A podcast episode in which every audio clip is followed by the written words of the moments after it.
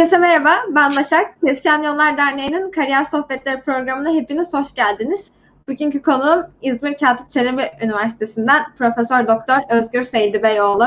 Hocam merhaba, hoş geldiniz. Merhaba arkadaşlar, hoş buldum. Güzel bir program olması dileğiyle. Buyurun Başak Hanım. Çok teşekkür ederiz. Ee, Nasılsınız? İyiyim, gayet güzel. Sizleri sormalı. Covid döneminde umarım herkes iyidir. Bizler iyiyiz şükür. Biz de iyiyiz, teşekkürler. Yayın teklifimizi kabul ettiğiniz için çok teşekkür ederiz. Ben teşekkür ederim. Yani önemli olan gençlerimize, lise öğrencilerimize özellikle bir yol, bir ışık tutabilmek ülkemiz için kıymetli. Hatta yurt dışı için de kıymetli. Ben e, o zaman ilk sorumla başlamak istiyorum. Yani sizi biraz tanıyabilir miyiz? Açıkçası ben e, kendim malzeme mühendisiyim. 95 yılında üniversiteyi kazandığımda ODTÜ, Orta Doğu Teknik Üniversitesi'nde meteorolojiyi pek kimse bilmiyordu. Günümüzde bayağı bir bilinir hale geldi. Ee, 99'da bitirdikten sonra baktım polimer ve kompozit alanı büyüyor, hızla gelişiyor. Ee, o zaman da ODTÜ'de açılan Polimer Science and Technology dediğimiz polimer bilim ve teknolojisini yüksek lisansla kabul edildim. Ve aşağı yukarı 99'dan bugüne kadar e, 2021'de 22 yıldır polimerlerle uğraşıyorum. Ee, daha sonrasında endüstri mühendisliği bir master daha yaptım ODTÜ'de yine. Ve doktoram için de Bilkent, İstanbul Teknik ve Amerika dahil birçok yerden kabul aldıktan sonra İstanbul Teknik'i tercih ettim. Orada ileri teknolojiler programına kabul edildik. Ee, doktoram sürecinde de Norveç, İsveç gibi İskandinav ülkelerini görme şansım oldu. Sonra da doktoradan sonra bir askerlik yaptık. ne yazık ki 6 ay. Sonrasında da Kanada'ya gittik. Bir buçuk yılda Kanada'da kaldıktan sonra Türkiye'ye döndüm öğretim üyesi kadrosu arayışım sürecinde Aksa Akrilik Kimya'dan da bir iş teklifi aldım. Ee, akrilik elyaf ve daha önemlisi karbon elyaf e, üretimi ve argesi konusunda arge uzmanı olarak bir buçuk yıl görev yaptım. Daha sonrasında Katip Şeyleri kurulurken 2012'de Mühendislik Fakültesi ilk kurucu öğretim üyelerinden oldum. 9 yıldır, 9 Nisan'da da yıl dönümü geliyor. bir hafta sonra aşağı yukarı e, görev yapıyorum. Katip Şeyleri'de çok fazla idari görev aldım açıkçası. Bunlar içerisinde bölüm başkanlığı, teknoloji transfer ofis koordinatörlüğü, merkez lab yönetim kurulu üyeliği, sürekli eğitim merkezi yönetim kurulu üyeliği, fakülte yönetim kurulu üyeliği ve daha birçok. Şu anda en sonunda da yeni yüksek lisans programımız kabul oldu e, YÖK tarafından. Polimer bilim ve teknolojisinin tekrar katip çevrede kabul ettirdik. Bunda ana bilim dalı başkanı oldum. E, şu an benimle beraber 6 öğretim üyemiz görev yapacak. Çok da o açıdan da mutluyum yani yüksek lisans programımız açısından. Böyle bahsedeyim. Bu arada tabii özel sektörle bağımız hiç kopmadı. Master yaparken çalıştım. Doktor yaparken part-time bir firmada, poliüretan firmasında çalıştım. Ee, döndüm yurt dışından Aksa'da çalıştım. Sonrasında da öğretim üyesi olduktan sonra çok sayıda san tez eskiden vardı sanayi tezleri. Sanayi Bakanlığı destekli büyük firmalarla 3 tane san tez tamamladık. Ve birçok 10-15'e yakında TEDA projesinde danışmanlık yaptım. Ve şu anda da Ege Üniversitesi Teknopark'ta da kendimde yeni bir e, çevre dostu malzeme geliştirmek için bir firma kurdum. Bu firmada da şu an çok güzel gelişmeler var. Bugün de biraz bahsederiz. Hem Amerika olsun, hem Hindistan olsun, hem e, Singapur, Almanya ve İspanya dahil çok sayıda ülkeyle şu an proje başlatmak üzereyiz. Başlattık bir kısmını resmi olarak. Bir kısmı da yerli firmalarımızla projelerimiz devam ediyor. Böyle özetleyeyim. Başak Hanım kısaca Teşekkürler cevabınız için. Yani çok, e, çok güzel tecrübeleriniz var. Aslında hepsinden de bahsetmek istiyorum yayında kısa kısa yani süremiz el verdiğince. Ama biraz da başa dönecek olursak yani 95 yılında üniversiteye girdiğinizi söylediniz. O zamanlar evet. aslında metalurji ve malzeme çok da bilinen bir bölüm müydü? Yani siz nasıl karar verdiniz bu bölümü okumaya? Ya tabii çoğu meteoroloji mühendisinin aynı kaderi paylaştık bir nebze samimi olmak lazımsa. Ben kimyayı çok seviyordum. Hala da çok seviyorum kimya işini. ODTÜ kimya mühendisliği çok istiyordum. Hep söylerim, hep anlatırım. Yine aynı şeyi anlatacağız. O son akşam işte bir şeyler oldu. Altında da meteoroloji benziyor dedik. Öyle kazandık açıkçası. Ama bu işte polimer kimya sevgimizde devam etti. Master'da o işe yönlendik. Ee, çok aşırı böyle bilinçli bir tercih olmadı. Ama gelinen süreçte şu an son 10-15, 5-10 yıldır özellikle meteoroloji puanları bir hayli arttı. Özellikle ODTÜ'de. İnşaatta girebilecek öğrenciler artık meteoroloji girer hale geldi ODTÜ'de kimya mühendisliği çok ötesine geçti. Özellikle savunma, havacılık birçok farklı alanda tercih edilen bir meslek haline döndü. Ee, o bakımdan da güzel meslek tabii. Özellikle Türkiye gibi imalat sanayinin yoğun olduğu ülkede epey de iş sahası var. Teşekkür ederim cevabınız için. Ben o zaman biraz böyle hani sizin çalışma alanlarınıza e, girmek istiyorum. Yani kompozit malzemeler üzerine çalıştığınızı da biliyorum. Yani kompozit malzeme nedir? Kompozit malzemeler konusunda sizin odaklaş, odaklandığınız çalışma alanı nedir? Tabii kompozit malzeme aslında mucizevi bir şey. Gerçekten insanoğluna e, sunulan e, yepyeni bir platform. İki farklı malzemeyi birleştirerek yepyeni bir malzeme ortaya çıkartıyoruz. Bu da bir tasarım mühendisi için inanılmaz bir esneklik sağlıyor. İstersek çok sert malzemeyi çok esnek bir malzemeyle birleştirdiğimiz vakit ortaya hem esnek hem sert bunun bütün özelliklerini ayarlayabildiğimiz bir ürün ortaya çıkıyor. Bu metal matrisli kompozitler yapılabiliyor. Seramik matrisli, daha doğrusu metal esaslı, seramik esaslı ve polimer esaslı kompozitler dediğimiz üç ana grup var. Ee, benim ağırlıkla çalıştığım polimer esaslı kompozitler. Ee, son birkaç yıldır da alüminyum esaslı, metal matrisli kompozitler de yaptık. Hatta doktor öğrencimin yaptığı ürün, doktora tezine benzeyen bir üründe şu anda yurt dışında ticarileştiğini geçenlerde gördüm. Ee, ona da çok sevindik e, hakikaten. Ve bir de yeni bir projemizde seramik esaslı kompozitler üzerine başlayacak. Bu da özel sektör destekli bir proje. Özel bir malzeme tasarımı yapıyoruz orada da. Bu dediğim gibi iki farklı malzemeyi birleştiriyorsunuz. İnanılmaz bir şey. Bir tarafta kauçuk gibi çok esnek bir malzeme var. Bir tarafta cam gibi kırılgan bir, böyle yere atsan kırılan bir malzemeyi birleştirerek tokluk, esneklik ve birçok tasarımı yapabilir hale geliyorsunuz. Bunlara biz anizotropik malzeme diyoruz. İzotropik ve anizotropik. Yani özellikleri yöne bağlı olan, çekme mukavemeti olsun, elektriksel iletkenliği olsun ve birçok özelliği e, ayarlanabilen malzemeler. Özellikle bugün geldiğimiz noktada nanoteknoloji diyoruz mesela. Nano parçacıklar çok kıymetli ama bu nano parçacıkları kullanmak için bir matrise ihtiyaç var. Polimer olabiliyor, bir sıvı olabiliyor, bir seramik olabiliyor veya bir metal hatta bir metal yayınımıza çıkmak üzere. Bir metal, alüminyum matris kompozite grafen katkılı makalemiz şu an yayınlanmak üzere. O bakımdan da yani o nanoteknolojinin kullanılması için de kompozite ihtiyaç var. Ee, Birçok açıdan atıkların değerlendirilmesi için bugün biraz bahsedeceğiz. Orada da yine kompozit teknolojileri bir hayli önem arz ediyor.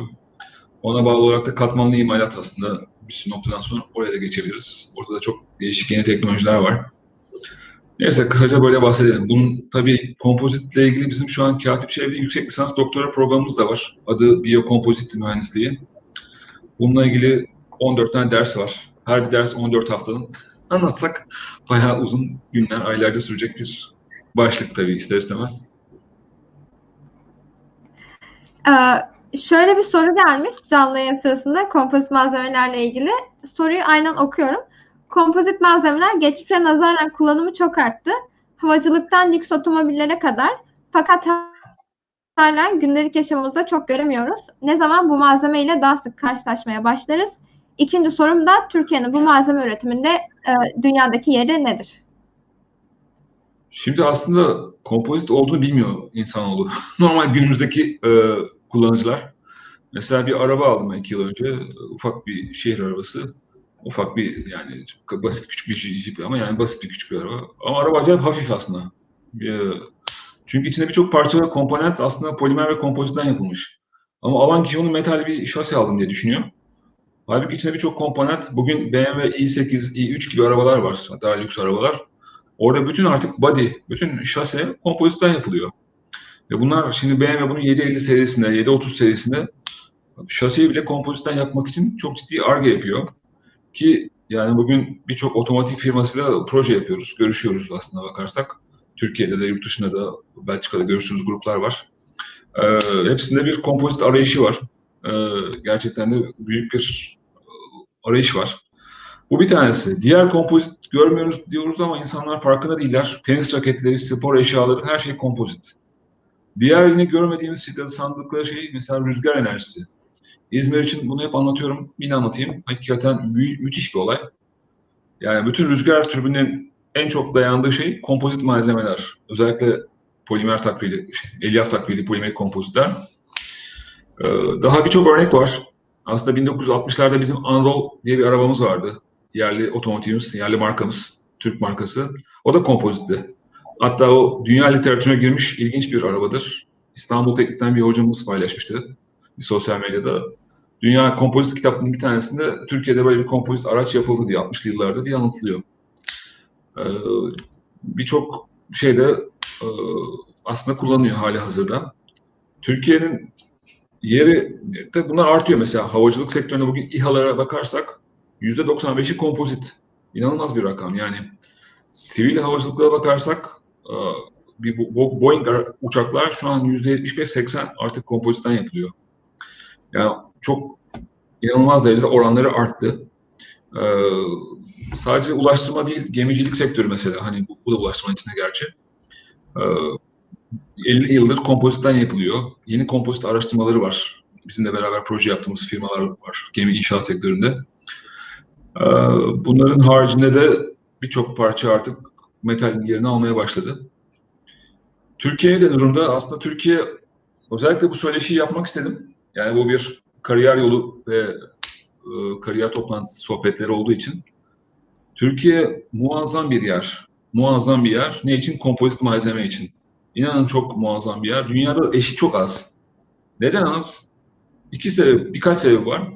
Bir, bir defa zaten Türkiye üretim anlamında muazzam bir ülke. Yani Avrupa'nın üretim üssü gibiyiz burası. Ambalaj sektörü, jant sektörü, birçok rüzgar türbün sektörü hepsi üretimi Avrupa'nın buradan yapılıp Avrupa'ya ihraç ediliyor. İzmir'de birçok firma otomotiv sektörünün ana üreticisi. Avrupa'ya ihracat yapıyor. Hatta bazısı kalkıyor isim vermiyor şimdi. Meksika'ya üretim yapıyor, oradan da Amerika'ya ihracat yapıyorlar. Böyle İzmir'de firmalarımız var. Bu anlamda zaten bir şeyler üretim üssüyüz. Kompozit anlamında da polimerik kompozitler için söyleyeyim. Bir, reçineyi çok büyük hacimde üretebilir haldeyiz. Bunlar işte burada e, İzmir'de firmalarımız var, Çorlu'da var. E, hem de Çorlu'da çok büyük bir tane BASF ile yarışabilen yerli bir firmamız var, reçine firması. Çok isim vermeyelim burada. Araştırmak isteyen olsa bana özelden üniversite e-mailinden yazabilirler. Ya bu arada firma İşin verebilirsiniz isterseniz bizim için bir sakıncası yok. Yani siz vermek tamam. istemezseniz. E, yani madem benim burada Boyan'ın okul diyordur. Burada Reçine'nin hakikaten İzmir'de en önemli okullarından bir tanesidir diyor. Onun yanında Herkim ve Boytek ve birçok reçine üreticisi ve İstanbul Çorlu dediğim yer e, Polia diye bir firmamız. Avrupa'nın en büyük polyester tesislerinden biri kuruldu oraya. Bunun yanında geçiyorum. Poliolefin dediğimiz termoplastik üretiminde şu an Petkim, Sokar çok büyük yatırımlar yapıyor. Hala da yapıyorlar. Polietilen, polipropilen ve birçok ham madde termoplastik üretiliyor.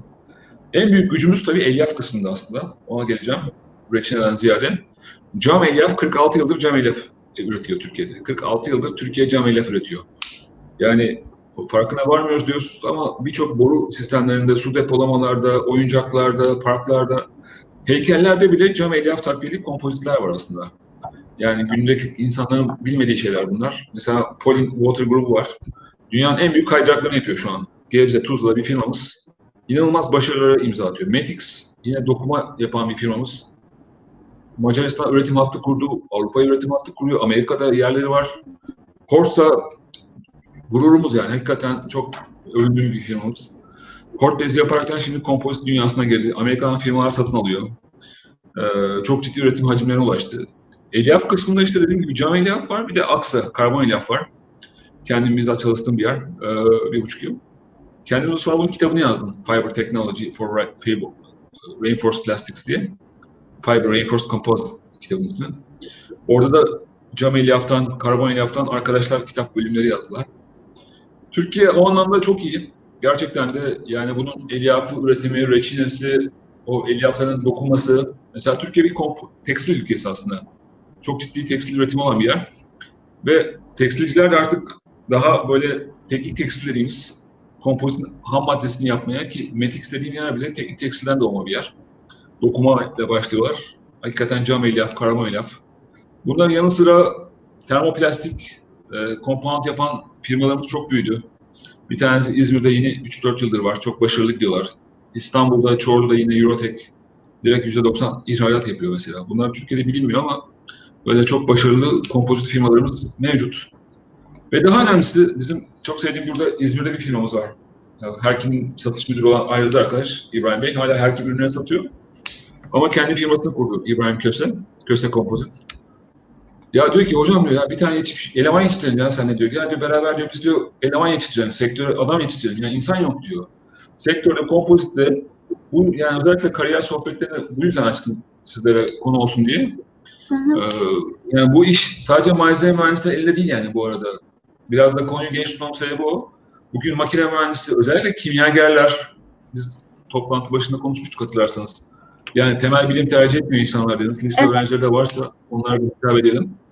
İyi bir kimyager inanılmaz dünyaları değiştirecek güce sahip aslında. Ve çok çok kıymetli. Fizikçi de aynı şekilde. Türkiye'de fizikten hiçbir kıymet yok diye sanılıyor ama iyi, meraklı insanlar. Bakın şimdi abi. En önemli şey ne biliyor musunuz Başak Hanım? Ben burada açık açık konuşayım. Gençler meraklı olsunlar, istekli olsunlar.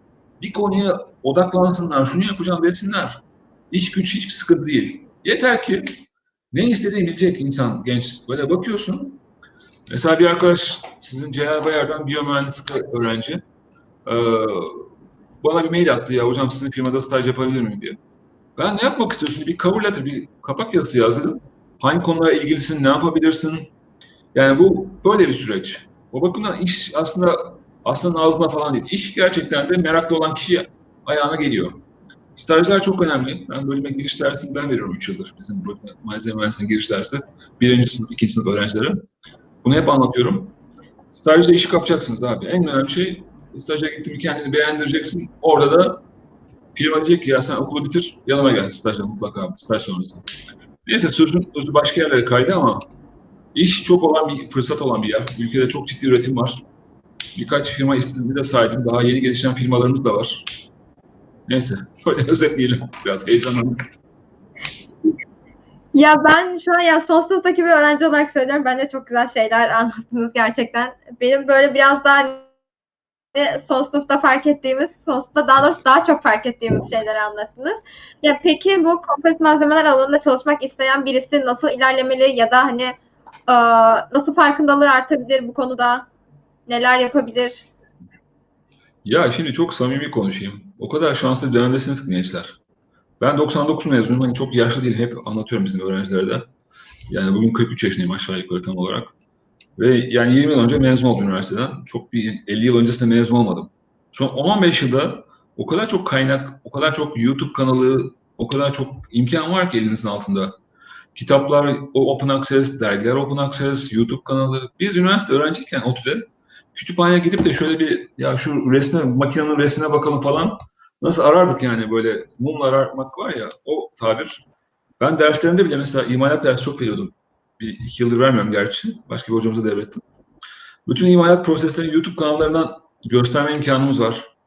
Her türlü kaynak var. Bir dolu söyleşi yapanlar var. Benim bugün 6. 7. 7. söyleşim oldu bu sonbahardan beri. Ee, ve daha gerçekten de imkanlar, kaynak çok. Yani geliştirmek isteyen firmalar, Kompozit Sanayicileri Derneği diye bir derneğimiz var mesela. Oraya üye olan firmalar var. 100-150 tane firma var bildiğim kadarıyla. Biz de şimdi fizikte rapor yazıyoruz da gençlerle. Oradan takip ettiğim bir rapor var şu anda. Ee, ve e, bu firmaları takip edebilirler. Firmaların ötesinde kurslar var. Yani mesela yine İstanbul'da bir firma neydi ya? Şimdi, Tile Kompozit'ten. Onların böyle de eğitimleri oluyor 2-3 günlük. Yüksek lisans programlarımız var. Düzce Üniversitesi'nde kurdu mesela kompozit mühendisliği yüksek lisans doktora programı. Bizim kendi programımız var Katip Çevre'de. Katip Çevre'de bir polimer yüksek lisansı da kurduk. Yani akademik olarak da faydalanabilecek çok kaynak var. Yüksek, İzmir Yüksek Teknoloji Enstitüsü'nde kompozit çalışan hocalarımız Ege'de, 9 Eylül'de, bizim Katip Çelebi'de ve mesela makine mühendisleri için, inşaat mühendisleri için muazzam bir alan. Yani onlar sadece pure mekanik çalıştıkları bir yerde o mekanik analizlerin yapıldığı yerde malzeme özelliklerini bir anda değiştirdiğiniz vakit yepyeni mekanizma ortaya çıkıyor. Yepyeni mekanikler ortaya çıkıyor. Bizim inşaat mühendisleri de epey yayınımız oldu. Makine mühendisleri çok yayınımız oldu. Ee, onlar için bizim yaptığımız yeni malzemeler müthiş bir yenilik. Çünkü yepyeni bir mekanik analiz çıkıyor ortaya. İşte bunların simülasyon çalışmaları var. Ee, ANSYS modellemeleri var. Akış modellemeleri var. Peki böyle özetleyelim. Daha çok konuşuruz yine de. Teşekkürler cevabınız için. Aa, yani o zaman malzeme mühendisliğinden devam edelim. Kompozit malzemelere sonra tekrar döneceğiz. Siz üniversite tercih yapacak öğrencilere malzeme bilimi yazmalarını önerir misiniz? Vallahi Ee, yani gerçekten önerebileceğimiz bir alan tabii. Kendi mesleğimiz de aynı zamanda. Güzel birçok fırsat var ortada. Bugün inşaat sektöründen yapı malzemesi, tuğla, seramik, e, beton, çimentodan başlayarak hani en çok Türkiye'de kullanılan sektörlerden bir tanesi diye söyleyeyim. Ee, özellikle Türkiye seramik alanında çok güçlü. Gerçekten de ham madde olsun, mineral olsun, Eskişehir'de, e, Bozüyük'te, birçok yerde, Kütahya'da e, çok önemli seramik tesislerimiz var. Çanakkale'de, İzmir'de, isimlerini sayarsak Çanakkale Seramik, Ege Seramik, e, Eczacıbaşı grubu, birçok grup var açıkçası. E, işte bunun bir tarafında cam elyaf yine cam ürünler, şişe cam gibi büyük dev firmalarımız da var. Bunlar seramik tarafı. İşin demir çelik tarafında yine tabii müthiş bir sanayi var. Ali Ağa'da olsun, başka yerlerde. Ee, bir de yeni gelişen polimer, kompozit gibi. Türkiye polimerde plastik sektöründe Avrupa ikincisi üretimde hacim olarak. Dünya altıncısı. Türkiye çelik üretiminde Avrupa birincisi. Bakın bu rakamlar son güncel rakamlar. Yeni yayınlandı bu. Almanya'da geçtik çelik üretiminde. Ve şu an Avrupa'da birinci sırada çelik üretiminde, dünyada da altıncı ya da yedinci sırada yine çelik üretiminde. Ee, bu da yani malzeme mühendisliğinin tabii en büyük alanları buralar açıkçası. Gelişen bu polimer kompozit sahasında da dediğim gibi çok ciddi iş sahaları var. Yetişmiş insan yok. Ee, bu kompozit tabii sadece, sadece malzeme mühendisliğine ait değil. Makinacı, kimyacı bahsettik. Bir diğer alanda işte mesela işin bilimini yapmak isteyen insanlar için de e, çok güzel nanoteknolojinin dayandığı yer yine material science bugün. E, fiziği öğrenmek istiyorsunuz yine malzeme bilimi birçok şey. Tabii çok samimi biraz da itirafta da bulunmak lazım. Bazı şeyleri samimi söylemek lazım gerekirse. Böyle biraz arada kalan bir meslekte. Onu da buradan hani herkese bir şey olarak söylemekte fayda var.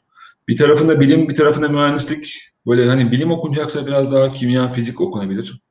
Hani çok cidden bilime merakınız varsa, samimi konuşayım. Çünkü bazıları gerçekten nerd dediğimiz böyle e, kırık şekilde diyelim.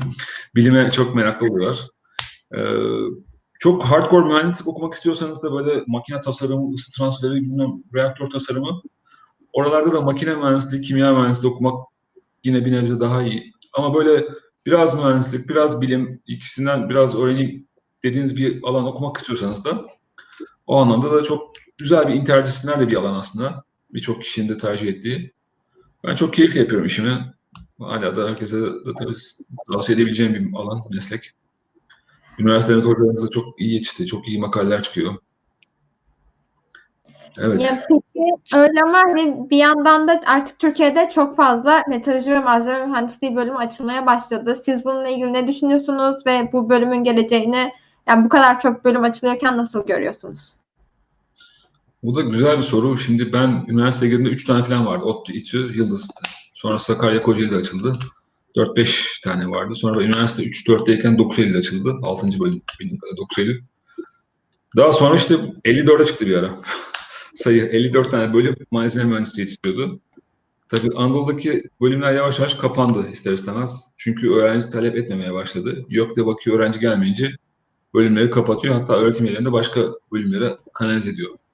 Şu an son güncel bölüm sayısını bilmiyorum. Samimi söyleyeyim. Bizim sağ olsun bölüm başkanı Mücahit Hocam takip ediyor işleri. 20-25 ee, arasında bölüm var Türkiye'de şu anda. Ee, bu rakam çok mu? Yani ortalama mezun olan sayısı 30-40 dersek, hadi 40 diyelim. 40 çarpı 25 bugün işte aşağı yukarı 1000 tane mezun yapıyor. Yani çok değil. Sadece gelen öğrenciler isteyerek gelmiyor. Sıkıntı orada. Hep aynı şeyi söylüyorum. Yani böyle çocuk öğrenci isteyerek gelmiş olsa ben ona dünyaları okutacağım, dünyaları vereceğim. Yani istemediği kaynak sunacağım. Sabah 7'de 8'de gidiyorum okula. Öğrenci istekli olsun. 8'de ben üniversitenin kapısındayım. Gel toplantı yapalım diye. Yani o kadar hevesliyim aslında. Öğrenciler bilmeden geliyorlar. Acı olama aslında. Böyle 3. 4. sınıfa geldiğinde ha bu iyiymiş gerçekten demeye başlıyorlar. Ee, bir de tabii şu an gençlik daha bir değişik. Bitcoin, borsa, bir sürü farklı gelir modelleri var insanoğlunun. Böyle normal eski usul konuşmaktan çıktı işler. Eskiden girerdim bir yere fabrikaya. Mühendis olurdum, bir şey olurdum. Artık bu tavsiyeleri yapmak da zorlaştı. Ne yazık ki günümüzde daha farklı e, imkanlar da var. Ama overall yani bu kadar ihtiyaç var mı? Var. Daha fazlasına ihtiyaç var aslında. Sadece istediği mühendis kalitesi çıkıyor. Öğrenci isteği yok çünkü. Gelen öğrencinin puanları çok yüksek değil. samimi olmak lazımsa. Çok yüksek olmayan öğrenciler çok fazla ciddi de akademik bir ders yapmakta zorlaşıyor. Böyle matematiksel yoğun, böyle mühendislik ağırlıklı olan bir ders anlatmak daha zor bir hale geliyor. Peki. Yani peki Katip Çelebi Üniversitesi bölümüne gibi avantajları ve dezavantajları var. Biraz kendi üniversitenizdeki, yani kurucu öğretim üyesi olarak kendi üniversitenizdeki imkanlardan bahseder misiniz? Valla o kadar keyifle üniversite hocalık yapıyorum ki hem akademisyen çok seviyorum ama Katip Çelebi'yi de çok aşırı seviyorum. Neden? Birkaç sebebi var. Yani bir, e, adı çok kıymetli. Türkiye'de şu an İhsan Doğramacı hariç, Bilkent Üniversitesi hariç ki o da artık kurucu öğretim üyesi zaten kurucusu. Böyle bilim insanına verilmiş tek üniversite. Katip Çelebi Türkiye'de yani Osmanlı olsa da bir bilim insanı olan birisinin adını taşıyan bir üniversite her şeyden önce bir politikacının, bir iş adamının falan ismini taşımıyor. Yani bu bilim üniversitesi adı anlamında çok güzel bir yer. Daha önemlisi sanayinin içinde bir üniversite. Ben bunu çok anlattım, çok farklı yerlerde yine anlatayım. Şimdi bizim arka kapımız var. Yani sanayiye açılan bir kapısı olan bir üniversiteyiz. Bu inanın yurt dışına gidip geliyorum. Kanada'ya, İsveç'e birçok yerde kaldım. Bu kadar sanayiye entegre olabilen bir üniversite daha pek görmedim dünyada. Bunu yürekle söyleyebilirim. İstanbul Tekniği çok severdim doktor yaparken. Hakikaten takdir ediyordum. Çünkü oradaki hocalarımız çok sanayiyle entegre olmuş çalışıyorlardı. Ee, Ankara'dan böyle kapalı bir akvaryum bir otelden çıkıp oraya gittiğim zaman çok hoşuma gitmişti. Ve çok dinamik bir üniversiteydi o anlamda. Ha, bu imkanı işte biz burada şu an Katipçe'de yapabiliyoruz. Birçok firmayla proje yaptım. Santez olsun, Teydep olsun. Proje yapmıyorum. Bir süre sonra samimi olduk. Ee, hepsiyle ahbap olduk birçoğuyla. Bir şey oluyor, hadi parça lazım, bilmem ne lazım. Sürekli oradayız. Daha önemlisi proje anlamında Atilla şu an 2000 yılından sonra kurulan üniversite içerisinde Gültepe Projesi almada dördüncü olmuş Türkiye'de. Bazı URAP indekslerinin ilk 20'ye falan giriyor açıkçası. En son bir yayınlanan indekste 30. falan olduk. Yani bütün Türkiye çapında. Bazı başarılarımız çok iyi. Bir defa İzmir'in göbeğindeyiz. İzban yanı başımızda yeni metro hat, şey, e, tramvay hattımız da geliyor. İzmir çok güzel. Türkiye'ye seslenecek olursak hakikaten Karşıyaka, İzmir enfes bir yer. Yani program başında konuşmuştuk belki ama yine göstereyim. Bu İngiliz meşhur bir John Fowles'ın The Magos'ta kitabı. Şöyle göstereyim. Bu 1960'larda yazılmış. İngiliz vatandaşın Ege bölgesine Yunanistan'a göç edişini anlatıyor. Ege kıyılarını anlatan bir kitap. Öyle güzel anlatım yerleri var ki. Yani Ege kıyıları inanılmaz güzel bir yer. Sanayimiz çok güçlü. Malzeme mühendisliği okuyacaksanız Ali Ağa'da korkunç bir e, demir çelik sanayi var. Müthiş yani gerçekten. Türkiye'nin ikinci büyük demir çelik sanayi burada. Polimer kompozisyonuz. Burada da çok ciddi reçine firmaları var, boya firmaları var. Gibi gibi yani birçok avantajımız var. Öğretim üyelerimiz katip çevrede çok kıymetli. Ben post doktora yaptım. Kore'den doktoralı hocamız var. Almanya'dan doktoralı yeni bir hocamız geldi. Almanya'da postdoc yapmış bir hocamız var. Yine Avrupa'da postdoc yapmış Hüsnü bir hocamız var. Ee, onun haricinde Şerafettin hocamızın yine yurt dışında tecrübeleri var. Mücahit hocamızın İspanya'da tecrübeleri var. Ee, Birçok böyle uluslararası tecrübeye sahip hocalarımız var. Ee, ciddi anlamda merkez labımız çok güzel oldu. Her türlü analiz test cihazının en üst seviye olduğu cihazlarımızla mevcut. Malzemede üretim laboratuvarlarımız çok donanımlı. Her türlü cihazımız mevcut. Neyse sözün özü şiddetle tavsiye ederim. O zaman araştırma yapmak isteyen bir öğrenci için bence iyi bir üniversite. Tabii çok ciddi bir üniversite. Ee, yani ben de yılda 10 tane 15 tane falan yayın yapıyorum aşağı yukarı. Hocam bir, bir yandan da canlı yayından sorular gelmek istiyor. Ben onları da iletmek istiyorum müsaadenizle. Tabii. Lütfen. Polimer malzeme mühendisliği mezunu iş bulması için ne yapması lazım ve iş imkanı nasıl diye sormuş bir arkadaşımız. Tam meslek bölümü tekrar alırsam. Polimer malzeme mühendisliğinin mezunu iş bulması için ne yapması lazım ve iş imkanı nasıl? Valla Ya- Yalova'dan mezun arkadaş. Orasının adı yeni değişti. Polimer malzeme oldu. Polimerik malzeme oldu. Ee, onlar eski adı Ben de polimer mühendisliği. Orada var diye biliyorum ama Evet, eski adı polimer mühendisliğiydi. Ya, ya Türkiye dünyanın 6. büyük plastik sanayiye sahip, Av- Avrupa'nın ikinci. Bu kadar büyük olduğu bir yerde böyle sadece kariyer netteki iş ilanlarına bakmamak gerekiyor. Gerçekten bütün firmaları taramak Ambalaj sektöründe Avrupa'nın en büyükleri burada. İzmir'de, İstanbul'da birçok yerde.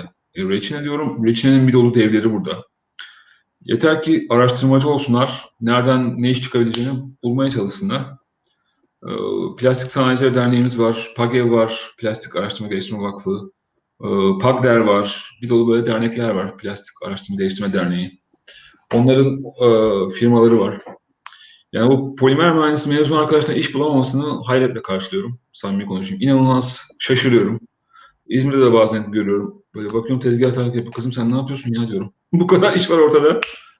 Ee, yani işi de insan kendisi yaratıyor. Samimi söyleyeyim. İkinci sınıfta, üçüncü sınıfta yapılan stajlar, fuarlar. Ben hep söylüyorum birinci, ikinci sınıf öğrencilere. Gidin fuarlara gidin. Tabii şu an pandemi var ne yazık ki. Daha farklı bir dönemdeyiz. Ama normal dönem için söyleyeyim. Ama online'da yok fuarlar. Yani şey yapılabilir. izlenebilir en azından. Online oluyor ama şimdi de hala mesela sonbaharda poliüretan fuarı var açıkçası. Gitsinler fuarda kart bıraksınlar, bir kart yaratsınlar. Yani o fuardaki ilgili insanları bulsunlar. En önemli şey fuara gitmek. Ben Almanya'da kaç kere fuara gittim, kahve fuarlarına. Yani yetmiyorum Türkiye'yle. Kaç kere kauçuk kongrelerine gittik, kauçuk fuarlarına gittik. Yani bunlar kendim bile akademisyen olarak bir sürü iş bağlantısı kuruyorum açıkçası. Dürüst olmak lazımsa. Proje çıkıyor, danışmanlık çıkıyor. Gençler uyanık olacaklar biraz abi. Girişken olacaksın. Girişimci böyle ruh olacak. yani kimse ayağının kapıya işler gelmiyor. İşler işin peşinde koşana geliyor. Onu da söyleyeyim yani. Evet. Evet. Öyle. Bir soru daha gelmiş canlı yayından. Biyopolimerler ve kompozitlerin kesişim noktaları nelerdir diye. Yani güzel soru. Benim en çok uğraştığım konu 20 yıldır üzerine uğraştığımız alan. Ee, şimdi kompozit dediğimiz gibi iki farklı malzemenin birleştiği bir malzeme türü. Buradan yola çıkarak arkadaş online olsaydı ders gibi yapardım. Biyopolimer dediğimiz şeyi kompozit hale getirmek için ne yapacağız? Buna bir takviye elemanı, bir farklı ikinci bir faz malzeme ekleyeceğiz. Bunlar için de işte yaptığımız şey cam elyaf olabiliyor mesela. Ee, karbon elyaf konabiliyor. Bu çok ticari anlamı yok ama var böyle çalışma, bilimsel makaleler. Bunun yerine tabii doğal elyaf dediğimiz e, odun talaşı, diğer farklı e, kenaf, e, şey, e, kenevir, e, keten gibi elyaflar daha mukavemetli, öyle şeyler yapılabiliyor. Ve bunları homojen bir şekilde karıştırmaya bakıyor bu iş. Daha sonra da ürün çıkartılıyor bunlardan. Kısaca böyle söyleyeyim. Bu soruyu bu arada öğrenciniz sormuş hocam. Hatta e, yoruma da yazmış öğrencisi olarak sordum diye. Çağatay ilk yaz. Evet Çağatay ilk yaz görüşüyoruz kendisiyle. Ee, bir de şöyle bir soru gelmiş staj demişken. Staj hakkında bir şey sormak istiyorum. Üçüncü veya ikinci sınıf öğrencisi staj yaparken nasıl orada kendini ön planda tutabilir, e, kendini sevdirebilir, teorik bilgiyi nasıl pratiğe dönüştürebilir? Şimdi bir defa yani biz de çok her gün sektördeyiz. Ee, çok firmayla girip çıkıyoruz. Birçok arkadaşlar stajyeri bulmaya çalışıyorum. Ben de bölüm staj koordinatörüyüm bu arada. Böyle bir ideal görevimiz daha var. Ee, şimdi bir defa bu iş şöyle. Kimse ay bana iş versin dememek gerekiyor. Mesela bizim çok sevdiğim bir mezunumuz var. Onu ben ikinci sınıftayken bir staja gönderdim İstanbul'a. Polimer kompozit firmasına. Çocuk yani atom karınca dediler. Adını söyleyeyim şimdi. Ve iki aylık staj oldu. Üç ay, dört ay. Dediler ya hocam siz bu arkadaşı uzaktan diploma verseniz, eğitim verseniz, burada işe başlasa dediler. Ve Gürcan gerçekten okulu bitirmeden orada işe girdi. Bu dediğim yerde Farplas. Türkiye'nin bugün otomotivde en çok inovasyonda sözü geçen firması. Ve e, hadi adını da söyleyeyim Gürcan Mert Gülsüz'ü çok sevdiğim bir mezunumuz. Kardeşimiz gibi de oldu. Artık meslektaşımız. Çocuk orada bir yıl daha okulu bitirmeden teknisyen, tekniker pozisyonda işe girdi. Okulu uzattı biraz. Şubat'ta mezun oldu. Ama hakikaten orada kendini göstermek nedir? Verilen bana iş gelsin değil. Ne iş yapabilirim, ne yapabilirim, nereye koşabilirim? Bir de başka çok sevdiğim mezunumuz daha var. Ee, o da bölüm birisi bitirdi 2020'de, geçen yaz. O da bir staja e, İzmir'de güzel bir yerde staj yaptı. Verilen projeyi çok inovatif, çok farklı bir şekilde sunma imkanı oldu. Ee, oradan da hemen bunu uzun dönemli işe aldılar. Böyle okulu bitirmeden iş alındı. Ondan sonra da bu yıl başından itibaren, 2020 başından itibaren tam zamanlı ARGE mühendisi olarak orada çalışıyor. Veya benim çok sevdiğim bir lise öğrencim vardı. TÜBİTAK oldu sonra TÜB lise yarışmasında Türkiye'de. Ee, bilmem kaç yüz proje arasında. Mesela o da e, makine mühendisi bitirdi 9 Eylül'de. staj yaptığı bir yer burada İzmir'de bir otomotiv firması. Yani orada çalışılan mühendislerle arayı iyi tutmak lazım. Bir, stajda ne yapmak gerekiyor? Yani teknik olarak hani sadece çay getirme muhabbet değil. Gerçekten teknik olarak da kendinizi göstermek gerekiyor. Verilen işle yetinmemek ya onu da yapayım, bunu da yapayım. Ya ben bir kenarda oturayım da bana iş gelsin. Yap böyle bir dünya. Olacaksın, iş kovalayacaksın. Yani böyle istekli olduğunu, motive olduğunu görmek istiyor firma yetkilileri. Ben, ben size naçizane kariyer sohbetlerinde gençlerimize tavsiye etmek istediğim o. Teşekkürler cevabınız için. E, canlı yayından bir de şöyle bir soru geldi. Yapısal tasarım ve analiz sürecinin otomatik hale getirilmesi hakkında ne düşünüyorsunuz? Zorlukları neler olabilir? Yapısal tasarımın otomatik hale getirilmesi şimdi çok yapısal tasarımcı değilim. Dürüst konuşayım. Bu makine mühendisi, inşaat mühendisinin yanında çok iddialı konuşmayayım o anlamda. Ama e, yapısal tasarım dediğimiz vakit birçok kompo, kompozitin de komponentleri var tabii. Ama bunun otomatik hale gelmesinin çok anlamadım samimi söyleyeyim. Çünkü bir şey tasarlayan zaten insan oldu. Artık onu da robotlar tasarlarsa insan onunla yapacak bir iş kalmıyor açıkçası. O e, gerçek otomatik hale gelmesine bilmiyorum. Şimdi yanlış bir şey söylemeyeyim. Peki teşekkürler. Bir de şöyle bir soru geldi. Nanoteknoloji e, güneş pilleri ne zaman yaygınlaşır? Şimdi güneş pilleri bir defa çok yaygınlaşıyor. Şu an biz Türkiye'de çok şükür bir e, fotovoltaik pil yapan firmamız doğdu. E, öncelikle o mutluluk verici bir şey. E, onun haricinde korkunç güneş panelleri seriliyor şu anda. Yani büyük büyük alanlar. Hele Çin'de artık dağlar, tepeler her taraf güneş pili olmuş. Yani o kadar büyük güneş pili. Türkiye daha da ilginci yenilenebilir bu yenilenebilir enerjide dünyada ilk 5'e 10 oynuyor. Yani çok lider konularda çıktı. Özellikle rüzgar türbinleriyle artmasıyla beraber çok önemli yerlerdeyiz. Nanoteknolojinin kullanılması sadece güneş pilleri değil açıkçası. Dünyada hala bir muamma. Samimi dürüst olayım. Ee, böyle çok fazla aşırı uygulaması çıkmadı hala. Böyle bir takım elektronik device'larda, bazı bilgisayarlarda falan bazı kullanımları var. Onlara itirazım yok. Bazı sensör uygulamaları gibi şeylerde. Ama onun dışında genel olarak böyle nanoteknoloji bir böyle bir muhteşem böyle bir sonuç yaratmadı hala. Ee, birçok makale yapılıyor, birçok çalışma var. Ama o istenen seviyede kullanımı yok. Ha, güneş pilinde ise ben çok bilmiyorum şimdi onu da atmıyorum. Güneş pilleri de özel bir alan çünkü. Ee, ama gerçekten de şey hmm, nasıl diyeyim bazı kaplamalarda falan nanoteknoloji kullanılabiliyor, kullanılıyor karbon nanotüp, fulleren dediğimiz karbon 60 denilen maddeler var. Onların güneş pillerinde kullanımı var diye biliyorum. Ama yani çok da şimdi hatalı bilgi vermeyeyim o konuda. Anladım. Peki teşekkürler.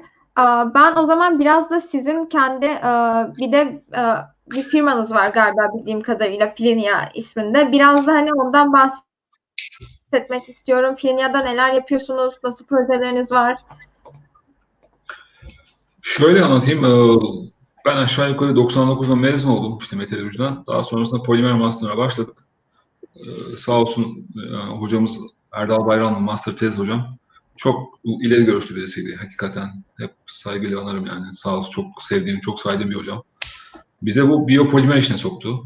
2000 yılında ben ODTÜ'de yüksek lisansı yaparken doğada kaybolan plastiklerle uğraşıyorduk. O zaman böyle bir hayaldi yani gerçekten de 100, 100 gram 50 gram bir malzeme bulduk diye seviniyorduk açıkçası.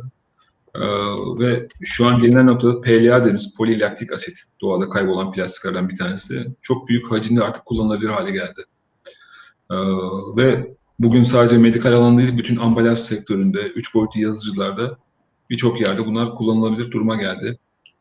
Biz ne yapıyoruz? İşte biz bu 20 yıla yakındır çabasını verdiğim biyokompozit alanında çok önemli ürünler çıktı, ticarileşti. Ee, Birçok firmayla da bu ticarileşme süreçlerini devam ediyoruz. Bir tane patentimiz şu an hala tescillendi. O patentin devamında da e, projemiz doğdu. Bu da biyodizel atıklarını alıyoruz. E, bu da biyoenerjinin kaynaklarından bir tanesi.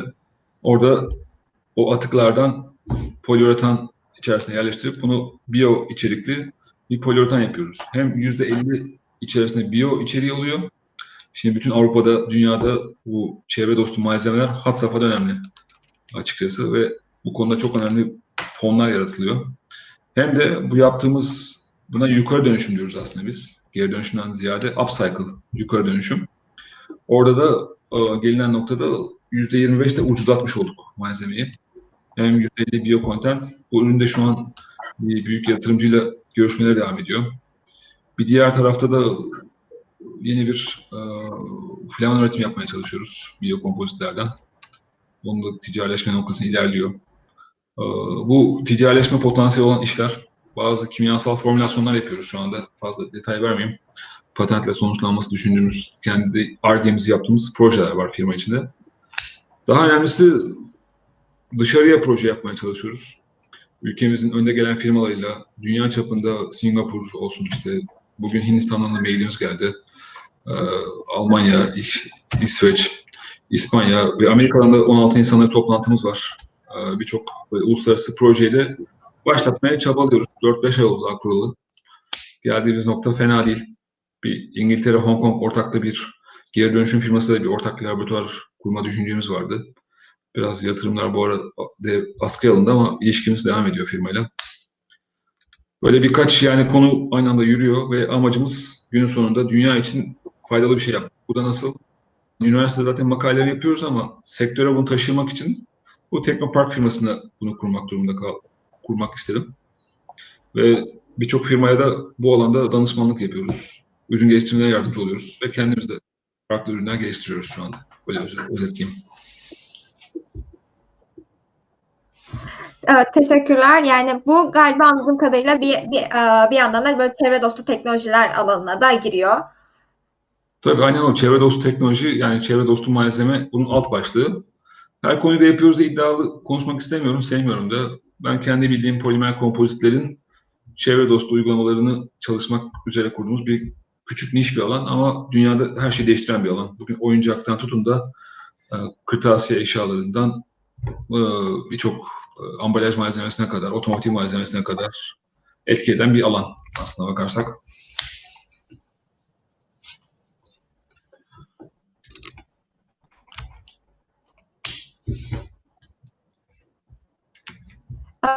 Peki hocam yani polimer matrixli kompozit malzemeler ile bu çevre dostu teknolojiler arasında nasıl bir ilişki vardır? Şimdi burada birkaç boyutu var işin. Öncelikle e, karbon ayak izi diye bir konu var. Karbon ayak izini azaltmak için çok ciddi çabalar var. Bu da nedir? Yaydığımız karbondioksit emisyonunu azaltmak aslında. E, karbondioksit emisyonlarını azaltmak için de bugün araçlarda e, kompozit kullanım çok büyük önem arz ediyor. Çünkü aracı metal yoğunluğu 7.4. Bugün 7.8 pardon çeliğin yoğunluğu. Alüminyum 2.7 hani biraz daha hafif diye geçiyor. Magnezyum 2.2 civarında. Polimerik malzeme 1. Kompozit yaparsak bunu işte cam elyafla 1.7'ye çıkıyor. Karbon elyafla yaparsak 1.4 gibi oluyor. Doğal elyafla yaparsak 1.2 gibi yoğunluklara sahip malzeme elde ediyoruz. Bir tarafta 7.8, öbür tarafta 1-1.5 aralığında bir malzeme. Ve aynı özellikleri sağladığımız ölçüde bir anda kullandığımız araçlar hafifler hale geliyor. Araçların hafiflemesi daha az yakıt tüketmesi ve daha az yakıt tüketmesiyle beraber karbondioksit salımını azaltmış oluyor. Bu işin ana e, framework'ündeki büyük major e, objective yani esas ana amaç bu aslında şu an bütün dünyanın peşine koştuğu. Bir diğer konu e, esas kendi biyo kompozitlere girmeden önce genel şeyden bahsedeyim. İşte şu anda batarya teknolojilerini konuşuyoruz değil mi? Lityum iyon bataryalarını işte Elon Musk olsun birçok insan yapıyor. Oralarda yine kompozit malzeme teknolojileri büyük önem arz ediyor. Anot, katot, elektrolit olsun birçok yerlerde nano malzemeler olsun, nano kompozitler. Hepsi çok büyük batarya kasaları olsun. Birçok yerlerde kompozit çok önemli. Bir diğer konu hidrojen teknolojileri mesela. Hidrojen enerjisi. Bugün hidrojen depolanması için yine filament sargı dediğimiz özel elyaf takviyeli kompozitler en ön planda olan malzeme grubu. Ve bunlar tüm yani makro şeylerin içerisinde kompozitler önemli işaret eden konular. Bunun haricinde diğer konu biyokompozite girersek orada da çevre dostu biyopolimerler, biyodan elde edilen plastikler kullanım olduğu gibi recycle malzemelerin kullanımı var. Onları kullanabiliyoruz. Yani bunu kompozit yapabiliyoruz. Daha da önemlisi bitkisel atık olsun. Birçok farklı e, atık kullanılarak e, kompozite dönüştürülüyor. Bir nevi bize yepyeni malzeme tasarlama imkanı sunuyor. Bu bakımdan da işte kompozite çevre dostu teknolojileri buluşturma imkanımız olabiliyor. E, poliüretan örneği verdiğimiz gibi atıklardan poliüretan köpük yapıyoruz. Isı yalıtımı, işte enerji birçok yere hitap edebiliyoruz orada da. Peki. Teşekkürler cevabınız için. Ee, bir arkadaşım YouTube'dan şey yazmış. Ayrıca mailden yazabilir miyim üniversite ve bölüm ile ilgili? Tabii benim maillerim açık. Yayının başında bahsettim. İstedikleri zaman özgür.seydibeyoğlu.ikcu.edu.tr'den ulaşabilirler.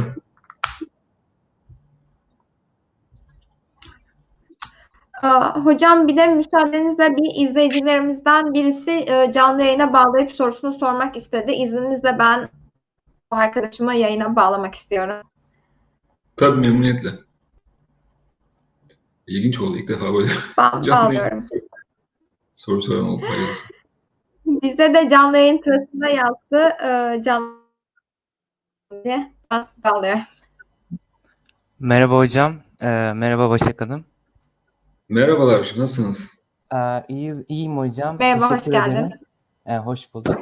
Ee, hocam aslında ben sizi uzun süredir e, sosyal medyadan, LinkedIn'den e, takip ediyorum.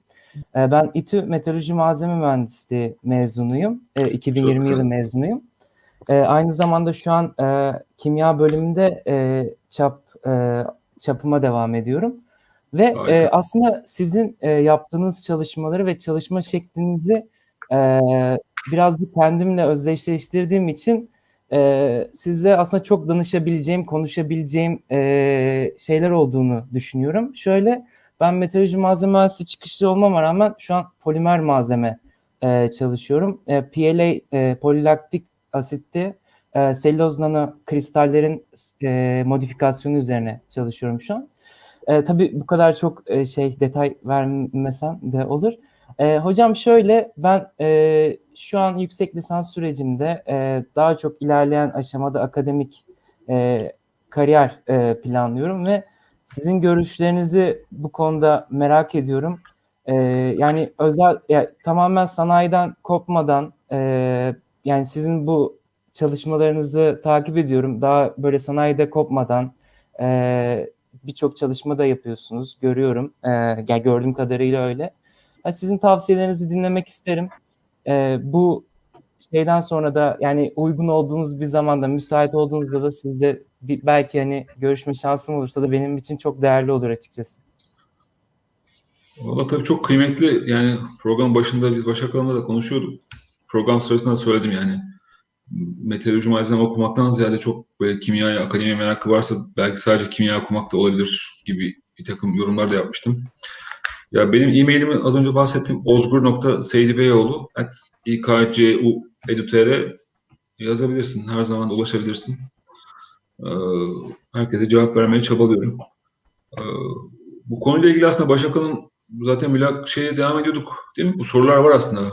Sorular içerisinde Başak Hanım. Sizin şu anda yayın akışında. Başak Hanım orada mı? Gitti yine. Evet. Başak Hanım dondu yine. Yani bu konuyu biz aslında anlatayım madem. Hani Başak Hanım da soracaktı zaten. Ya şöyle dürüst konuşayım. Yani Türkiye'de yaşıyorsak Türkiye'nin bazı acı gerçekleri var. Onu da anlatmam gerekiyor. Özellikle yurt dışına gidip gördükçe Türkiye'de bilim yapmak inanılmaz zor bir şey. Yani maddi olarak da zor, imkan olarak da zor. Ve yapılan bilimin değeri de çok bilinmiyor. Özellikle Almanya, İngiltere, İsveç, Kanada, Amerika birçok yerde bulunma şansım oldu. Oradaki fonlar korkunç yani. Orada yapılan çalışmalarla yarışmak neredeyse imkansıza yakın bizim için. Yine yapıyoruz çok, çok şükür birçok yeni çalışma. Yayın da yapıyoruz ciddi dergilerde. Ama yine de çok büyük zorluklarla yapıyoruz bunları. Özel sektör Türkiye'de bayağı iyi gelişme noktasında. Yani ARGE yapılamaz noktadan şu an çok önemli ARGE merkezleri kuruldu. Yani ciddi, bence samimi olmak gerekirse yani argör maaşlarına falan da çok kanmamak lazım. Çünkü 3-5 yıl sonra sektörde çalıştığınız zaman e, maaşlar bambaşka yerlere geliyor. Yani genelde insanlar başlangıç maaşına bakıyor, argör maaşına bakıyor. E, tamam argör daha iyi ama öyle değil. Yani ar- özel sektörde ciddi iş tecrübesi kazanıyor insanlar. Ciddi yerlere geliyor. Yani ve master'ı da bir yandan yapma imkanı var. Birçok ARGE merkezinde şu anda. Doktora yine aynı şekilde yapılabiliyor. Ama tabii bu biraz da kişinin kendisine bağlı. Yani çok illa akademisyen olacağım diyorsa bir insan o zaman da tabii illa sanayiye gel demek doğru değil yani. Özellikle kimya, gerlik gibi alanlar. Almanya'da bir hocamızla görüşürüz şu anda. Karlsruhe'de. Çok kıymetli bir kimyacı hocamız. Bayağı orijinal, yeni çok buluşlar yapan bir arkadaş hocamız. Yani bu başka bir şey. Ama çok da sanayiden kopmamak gerekiyor benim şahsi düşüncem. Yani kimya gerlik de yapsak sonuçta uygulamalı olmadığı yerde Gavur bunu yurt dışındaki insanlar bu bilimi zevk için yapmıyor açıkçası. Bir takım ticari kaygılarla yapıyor. iş yaratmak için yaratıyor. Ülkeler makro ekonomide kaç kişi iş yarattık ona bakıyor. Şimdi bir tane Portekiz'le AB projesi hazırlıyoruz. İspanya, Portekiz, belki Fransa'da olacak. İşin içinde bir de Almanya'dan bir partner olması olası. Yani oradaki hoca diyor ki Portekiz'deki profesör hoca ya bunu yapacaksın da hocam diyor bizim Avrupa'ya ne kadar iş yarattık, ne sağladık ona bakmamız lazım diyor. Bundan bir firma varsa SME, COBİ kim varsa bundan faydalanabilecek mi? End user'da büyük bir firma var mı? Ya bu Avrupa Birliği fonu da günün sonunda ticari olarak uygulanacak bir yere veriliyor. O eskisi gibi hadi ben çok büyük kafama buluş geldi, laboratuvarda yapayım. Dan bitti aslında o işler şu an hepsi. Sektörün ihtiyacı olabilecek şeyleri çözmek için var. E, Türkiye'de birçok firma master yapmaya izin veriyor. ARGE merkezlerinde fırsatlar var. O bakımdan sektörde master doktor yapmayı tercih, tavsiye ederim. Evet hocam. İlla doktor yapacaksınız da yurt dışında falan da yapabilirsiniz. Katip çevrede bekleriz. Ho- Hocam buna çok kısa bir şey ekleyebilir miyim? Hani zamanımızdan çalmayacak şekilde. Valla söz başa kanında ben program yapımcısı onlar. Yani şey, sizin vaktiniz varsa bizim vaktimiz var hocam. Evet peki kısaca alayım. Tabii hocam. Ee, şöyle hocam ben yüksek lisansın başındayken e, iki e, yol arasında bir seçim yapmak zorunda kaldım. Birincisi ya yayın çıkarıp hocamla birlikte çalışacaktım ama bir hani ekonomik açıdan bir desteğim olmayacaktı. Diğerisi de e, bir firmayla yüksek lisansımı ilerletecektim. Yayın e, düşün hani yayın olduğu için bu diğer tarafı seçtim. Ama şu an bir pişmanlığım hani var gibi. Sizin dediğiniz şey de mantıklı aslında. Ee, ya bu konuda hani bir geri dönüşte şansım da var hala. Hani bu konu hakkında çok kısa bir fikrinizi alırsam hani anlattıklarınızdan bir şeyler anladım aslında ama Özel konuşalım Onurcuğum. tamam hocam. Tamam. Tamam canım. Mail atarsan Tamam hocam. daha detaylı konuşuruz. Tamam hocam. Teşekkür Aa, ederim. İyi akşamlar. Onur İyi teşekkür akşamlar. ederim. Evet böyle Onur özel yayına bağlandığı için. Aa. Hocam canlı yayından e, bir soru daha gelmiş. Trafoların aktif kısmında kullanılan yalıtkan malzemeler hakkında çalışmalarınız bilginiz varsa anlatır mısınız? Makine mühendisliği mezunu birine yüksek lisanslı malzeme üzerine yapmasını önerir misiniz? Şimdi son ikinci sorudan başlayalım. Yüzde yüz şiddetle tavsiye ederim. Benim aşağı yukarı kaç tane oldu? E, Seçkin, Cem, Özay, e, yakında şeyde gelecek, İbrahim'de. Dört tane falan makine mühendisi yüksek lisans öğrencim oldu. Çok şiddetle tavsiye ederim. Özellikle biraz az önce itiraf etmem gerekir dediğim oydu yani. Biraz kimya mühendisliği, makine mühendisliği okuyup üzerine malzemeyi okumak bir nebze daha iyi oluyor zaten. Bu birinci soru. Trafo malzemelerini biraz biliyorum. Bir kere bir firmada biraz çalışma yapalım demiştik. Epoksi türevinde malzemeler genelde kullanılıyor. Ama çok detayını bilmiyorum. Açıkçası şimdi bir şey söylemedim o konuda. Trafo çünkü özel bir alan. Bakarsan bana müsaade edersen bir yarım saat, bir saat içinde cevap veririm ama bakmak lazım. Bu tür özel araştırma konuları zaten artık gençler kendileri çok kolay bulabileceği şeyler açıkçası. Bu sorular çok önemli değil bence. Teşekkür ederiz. Artık yayın süremizin sonuna geldik. Ben daha fazla vaktinizi al- almak istemiyorum. Son bir iki sorumu da sorup yayını kapatmak istiyorum. Aa, Bu kadar böyle hani üniversite sanayi işbirliğinden ve sanayide yapılan çalışmalardan bahsettik. Bu çalışmaların üniversitelere ve öğrencilere katma değeri nedir? Yani bu yapılan işleri ne kadar katma değerli buluyorsunuz? Valla benim bir defa yaptığım bütün tezler patent oluyor, ticari ürün oluyor. Öyle söyleyeyim. Ee, yani buna kendi master tezim, doktor tezim dahil yani açıkçası. Ee, bunun haricinde o, özel sektörle ortak yaptığımız tezler ürüne dönüşüyor. O da çok kıymetli, çok seviyorum. Gerçekten yani şu an PVC sektöründe bir öğrencim var. Onunla yaptığımız şey bir anda dünya çapında research'e döndü. Çok kıymetli bir hale geldi. Şimdi çok söylemiyorum. Biraz gizli yürüyor. Ee, Bunun haricinde de üç tane sentez yaptık. Hakikaten yani arkadaşlar birçoğu İstanbul'da, İzmir'de o sentezler sayesinde işlere girdiler. Ee, ve ciddi endüstri tecrübesi kazanma şansları oldu.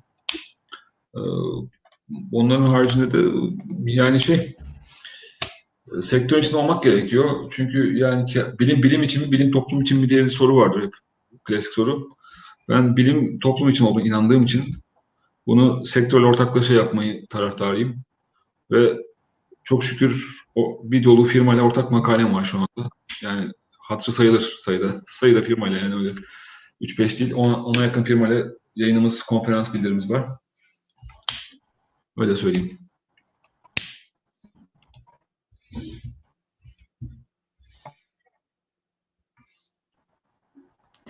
Teşekkürler cevabınız için. O zaman e, son sorumu sormak istiyorum. Bunu bütün konuklarımıza soruyoruz.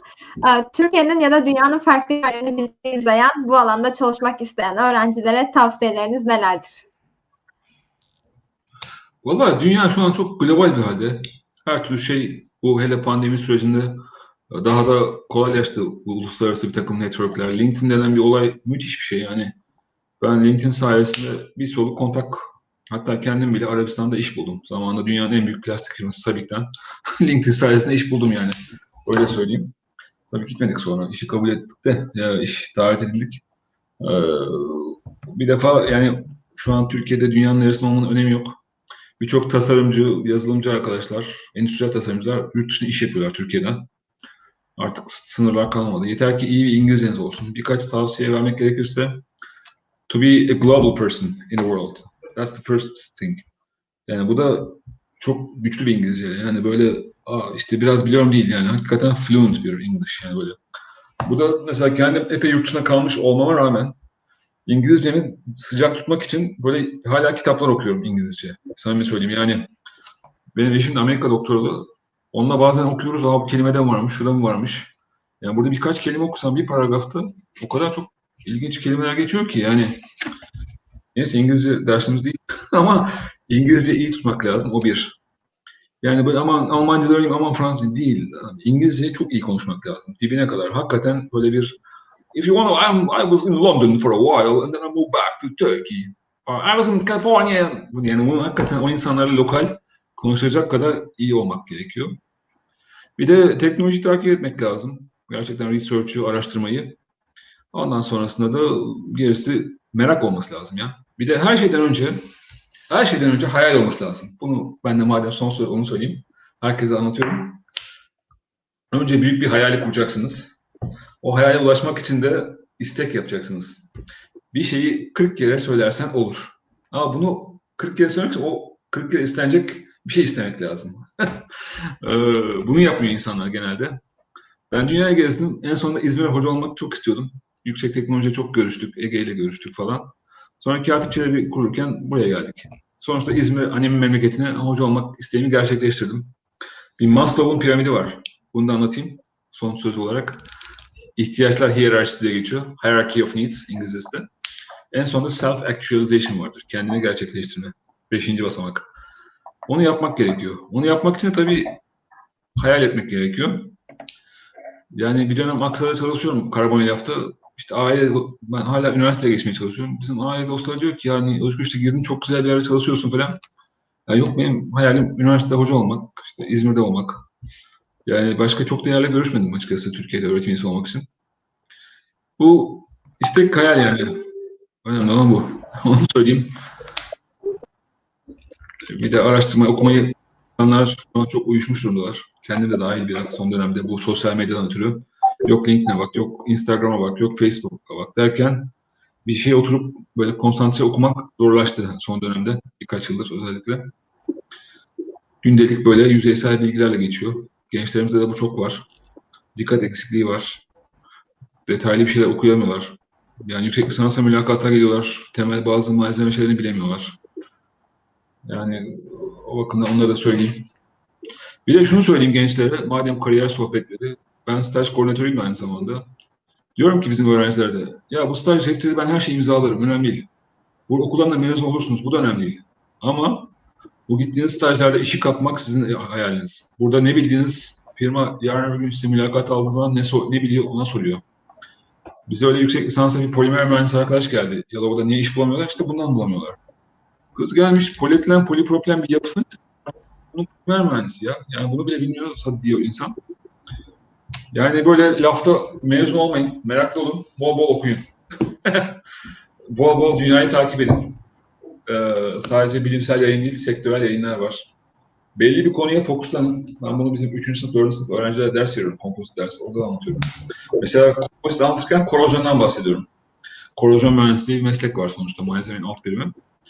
Bu da bir meslek. Kaynak mühendisliği var. O da çok güzel meslek. Ama bir şeyi seçmek lazım. Bu da ikinci, üçüncü sınıfta belirlemek lazım bu alanı. O alanda ilerlemek lazım. Ben lisedeyken polimerci olacağını biliyordum 93-94 yılında. Yıl 2021 hala polimer diyorum. Başka da bir şey demiyorum yani. Öyle söyleyeyim. Hocam çok teşekkürler cevaplarınız için ve yayına katıldığınız için de bir kez daha teşekkürler. Anlattıklarınız ben de hem tercih yapacak lise öğrencileri için hem de şu an bilim okuyan öğrenciler için çok kıymetliydi. Hayırlısı inşallah güzel faydalı olun. Bizim de çok tecrübemiz oldu. Önemli olan gençlerimize, ülkemize faydalı olmak. Bu, bu, bu şekilde de olsa. Bizden herkese çok teşekkür ederiz. Gelecek hafta Microsoft'tan Mehmet Furkan Şahin konuğumuz olacak. Furkan da yazılım mühendisi. Furkan'la birlikte yazılım mühendisliğinden konuşacağız. Gelecek hafta görüşmek üzere. Hoşçakalın. Çok teşekkür ederim program için ben de. Sağ olun. Görüşmek üzere.